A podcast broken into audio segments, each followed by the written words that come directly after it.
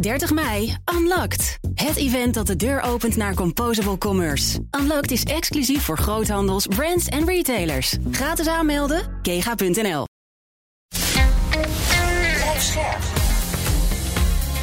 BNR Nieuwsradio.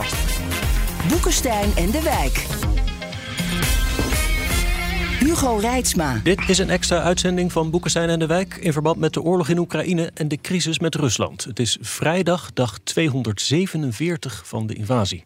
Arjan, situatie op de grond? Ja, laten we maar even beginnen met dat uh, beroemde Bachmoed-offensief. In de Donbass staat. In de Donbass. Uh, wat daar interessant aan is, is het is... Uh, in het Engels staat dan flounder. Dus de poging om daar een doorbraak te doen is gewoon mislukt. Hè? Poging van de Russen. Ja. ja. En waarom is het interessant? Omdat het, het wordt gedaan dus door de Wagner-groep. Weet je wel, met die uh, stichter Yevgeny Prigozhin. Hè?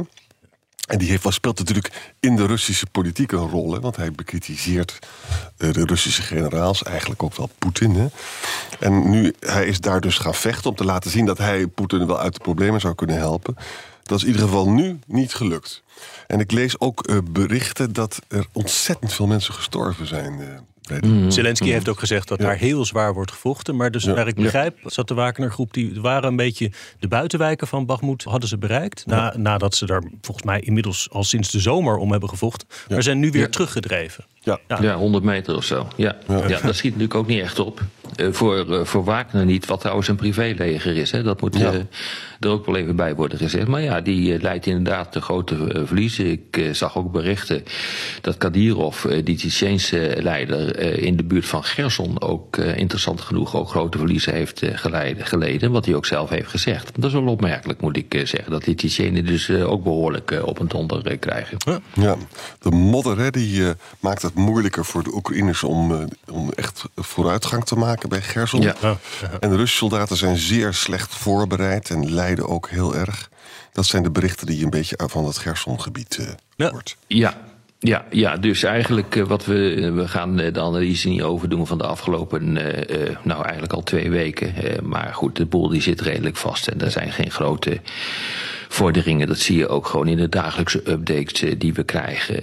geen grote verandering op het slagveld. Ja, er gaan wel heel veel mensen dood, maar het, het levert ja. geen van beide partijen ja. veel op. Nee, exact, exact. En wat ik nou, jongens, wat ik nou zo merkwaardig vind, is dat er zijn continu berichten dat die, dat die Russen het niet goed doen. Nou, als je naar de kaart kijkt en wat ze tegen weten te houden aan Oekraïners, dan, eh, dan, eh, dan valt dat in zekere zin nog mee. Reuters heeft laatst ook een eigen onderzoek uh, gedaan. kwam tot de conclusie dat een aantal units, eenheden die ze hebben onderzocht, een ongelooflijk lage paraatheid hadden en een hele lage raad van vulling, graad van vulling hadden. Dus 23 procent, of zelfs minder dan 20 procent was echt gewoon inzetbaar van, van die eenheden. En dat is eigenlijk nog een wonder dat ze zo goed weten, weten vol te houden. Dus die, die cijfers kunnen ook gewoon op een of andere manier niet altijd kloppen hoor, eh, die we hebben. En wat ik echt merkwaardig vind, is, uh, nou ja, daar is natuurlijk ook weer de wereld te klein over geweest. Uh, over die Valdai-speech uh, van, van Poetin. Ja, als je dus gewoon kijkt, ja. de, de, de haat ten opzichte van het Westen. Het gaat niet eens meer over Oekraïne. Maar het gaat echt nu over een strijd met het Westen. De globalistische elite, dat was een beetje het verhaal. Ja, exact. Ja. Er wordt geen enkele opening geboden voor welke, uh, voor welke uh, onderhandeling dan ook met, uh, met Oekraïne. Ook als wordt er af en toe gezegd, nou we willen best onderhandelen. Maar als je kijkt naar de retoriek, dan zit dat er absoluut niet in. Oekraïne wordt niet erkend als een zelfstandige staat. Het is een construct van, van Rusland en wel van de Sovjet-Unie. Kortom, daar valt niet mee te praten. De doelstellingen blijven hetzelfde. Oekraïne moet van de kaart worden geweest. En tegelijkertijd, en dat is het rare hiervan, zie je dat het dus op het slagveld nou ja, ze houden wat ze hebben tot nu toe. Maar het gaat ook niet heel goed. Dus er zit een enorme discrepantie in tussen die hmm. retoriek van, uh, van, uh, van Poetin en het feit ja, dat, dat het op een slagveld eigenlijk helemaal niet zo geweldig gaat. Hoe, hoe verklaren jullie dat nou? Nou ja, laten we, laten we eerst opmerken, want ik vind het eigenlijk zo interessant. Als je die speech, die Valdai speech van Poetin Ja. leest, het is alsof je Steve Bannon hoort praten. Ja, ja. We hebben dus te maken met, met een internationale ideologie. Over, het gaat over neocolonialisme, het gaat over imperialisme. Dat doet Steve Bannon ook allemaal. Hè. Daarom, En Thierry Baudet, Ja. niet En te Thierry vergeten, onze grote Thierry. Ja. Dus het is een internationale dialoog van samenzweerders. Daarmee probeert Poetin dus ook dat deel van West-Europa en van Amerika... dat ook in dat, in Zeker. dat soort verhalen gelooft te paaien. Dat Dus die, Ja. dit soort teksten, dat is gericht op ons, op Europa. Ja, om ons te verdelen. Want En, en, ho, ho, en op, op Afrika en Azië. Ja. Want hij is zeer nadrukkelijk bezig om een internationale anti-westerse coalitie te smeden. als je in Mali baalt van de Franse bezetting van vroeger... nou, dan is het een heerlijk verhaal dit. Ja. En dat is verrekte goed gegaan in Afrika. Nee, het is, dat, is, dat is het eerste punt. Hè. En het tweede punt, inderdaad, ja, eh, eh, hij, het gaat natuurlijk niet goed op de grond. Het, eh, ik zie bijvoorbeeld hier ook nu weer berichten van of het, of het propaganda is, dat weet ik niet. Maar het staat in de New York Times hè, van. Ze hebben dus allerlei communicaties eh, gevonden tussen, tussen Russische soldaten die, die klagen over de enorme slechte condities. Hè. Ze hebben heel slecht eh, militaire uitrusting. Hè. En dat heeft geleid tot desertie en overgave. Nou, dit is het probleem dat komt bij de Oekraïners. vandaan, komt dan in de, in de New York Times terecht. Dat is misschien maar voor de helft waar. Hè? Maar goed, inderdaad, het, de vraag die Rob stelt: van oké, je hebt dan dus een, een speech waar je dus niet in wil onderhandelen. En het Westen is allemaal verschrikkelijk. Terwijl je dus militair niet levert. Terwijl Poetin zelf iemand is die heel goed begrijpt dat je militair moet leveren. Want hij, ga- hij Ja. opereert altijd vanuit kracht en macht. Exact. Dus het is ook heel hol eigenlijk. Hè? Zou Poetin niet gewoon kunnen denken: ik kan dit nog jaren volhouden? Ik kan nog 100 miljoen Russen naar het front sturen. Het Westen houdt dat echt niet vol. Nou, dat is, dat is, zijn, eh, dat is echt zijn Ik denk dat calculatie. dat zo is. Hij probeert het lenteoffensief te halen. Hij stuurt duizenden Russische jongens de, de dood in. Hè? Ja. En, en laten we eerlijk zijn, eh, als we kijken naar wat er in Amerika gebeurt... ik ben er doods en voor. Ook in West-Europa. Deze winter gaat nog wel, hè. Volgende winter, we hebben nog geen oplossingen. En dan, en dan, het zou heel goed kunnen zijn dat het Westen in elkaar stort... en dat tegelijkertijd eh, Poetin bijna in elkaar gestort is... maar dan toch nog wat kan redden. Dat zou zomaar kunnen, Nee, als, je, als je naar de peilingen kijkt, hè, dan zie je dat, eh, dat de steun afkalft. Ik zat net even la- naar de nieuwste Pew. Eh, Peilingen over de Verenigde Staten eh, eh, te kijken. 20% van de Amerikanen die vindt dat er te veel hulp wordt geboden aan, aan Oekraïne. Dat vind ik 20%. nou, dat vind ik eigenlijk nog wel meevallen hoor. Het wordt pas echt eh, onrustbarend wanneer je, je naar de 40, 50 procent gaat. Maar het probleem zit hem erin dat dat percentage steeds groter wordt. Ja, vorige, voor een, een kort geleden, een, een maand geleden, was het nog 12 procent. En daarvoor was het 7 Dus eh, je ziet eh, dat, dat, dat dat sneller wordt. Eh 46 procent van de Republikeinen eh, die vindt wat er nu eh, gedaan wordt wel oké is. Eh 65 van de Democraten die steunen dit. Dus eh, je ziet ook zeg maar in die partijen eh, zie je het ook, zie het ook verschuiven. Dat zijn niet geen klinkende meerderheden.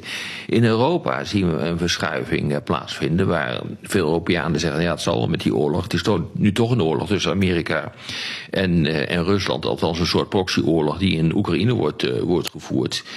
Ehm, en dat is ook niet goed. Eh, dus dat betekent dat ons commitment ook aan het afnemen is. Ehm, Macron en Scholz, die toch niet goed meer door één deur lijken te kunnen. en Ja. nu in Parijs aan het eh, praten zijn over eh, die maximumprijs voor, ehm, eh, wat is het, olie of gas? Gas, hè? Ja. Ja, terwijl Duitsland, ja, Duitsland wil dat niet. Terwijl die wel eh, de, de burgers subsidiëren. Dus het is ook, dat- daar zit het dus ook niet goed eh, op, op dit ogenblik. Ehm, dus ja, hij zou inderdaad op tijd kunnen spelen. Ja, en Poetin kan dus gewoon de, het binnenlands de repressie verder opvoeren. eh, Ja. Zodat elke tegenstander het land ontvlucht of in de gevangenis Ja. belandt. Ja, exact. En Wang Yi, de minister van Buitenlandse Zaken, die heeft eh, toch weer gezegd nu, eh, de minister van Buitenlandse Zaken van China moet ik erbij zeggen. Ja, de band is sterker dan ooit. We gaan echt jullie eh, steunen door dik en dun. Dus weg zijn die hele ideeën van. dat, dat China misschien toch wel afstand aan het nemen is van, ehm, eh, van Rusland. Omdat Xi een maand geleden heeft gezegd van... Ja. Ja, ik heb toch wel vragen over wat je daar aan het doen bent. Dat is dus nu, dat is dus nu ook weg. Dus ik denk dat hij zich daardoor ook eh, gesteund voelt. Zeker. En weet je wat Poetin natuurlijk altijd kan doen? Is gewoon zich terugtrekken en het frontlijn eh, kleiner maken. hè, En je daar helemaal ingraven. Nou, dan heb je een frozen Ja. conflict. Die, die Dat klopt. optie is er. Is er. Ja. Nou, ik denk dat dat nog steeds de meest waarschijnlijke afloop is van dit conflict. Leuk is het niet. Uh, maar goed, ik bedoel, ja, je, je hebt een doorbraak uh, nodig. En dat, dat, dat, dat, ja, ik zie hem, ik zie hem niet gebeuren van, uh, op beide kanten. Overigens, ik, ik, ik zag een analyse van de, de Amerikaanse inlichtingendiensten. Die staan er ook zo in hoor. Die zien niet in dat, dat een van beide partijen op korte termijn een grote doorbraak weet te, forceren. Ja, exact. Even over Macron en Scholz, want dat is zo belangrijk ja. wat erop daarover zijn. Dat is echt ongelooflijk hoor. Hij is er naartoe geweest, hè, Scholz, naar Parijs. Er was dus geen gemeenschappelijke persconferentie, alleen dus een, een verklaring van Scholz. Ze hebben vreselijke ruzie gemaakt over het Europese gevechtsvliegtuigen en Europese drones. Ja, als je, als je daar nu niet toe besluit, wanneer doe je het wel? Hè? Hm. En ten tweede, ja, ze zijn ontzettend boos over die, die cap op het gas. Dat verhaal hebben we behandeld. Hè? Ja. Maar, maar wat hier natuurlijk ook een, een, rol speelt, is dat Duitsland geeft heel veel geld aan de Duitse bedrijven ter compensatie. Ja, en zoveel geld heeft Frankrijk en Italië natuurlijk. Er wordt geen Europese oplossing hier door Duitsland ja. gezocht.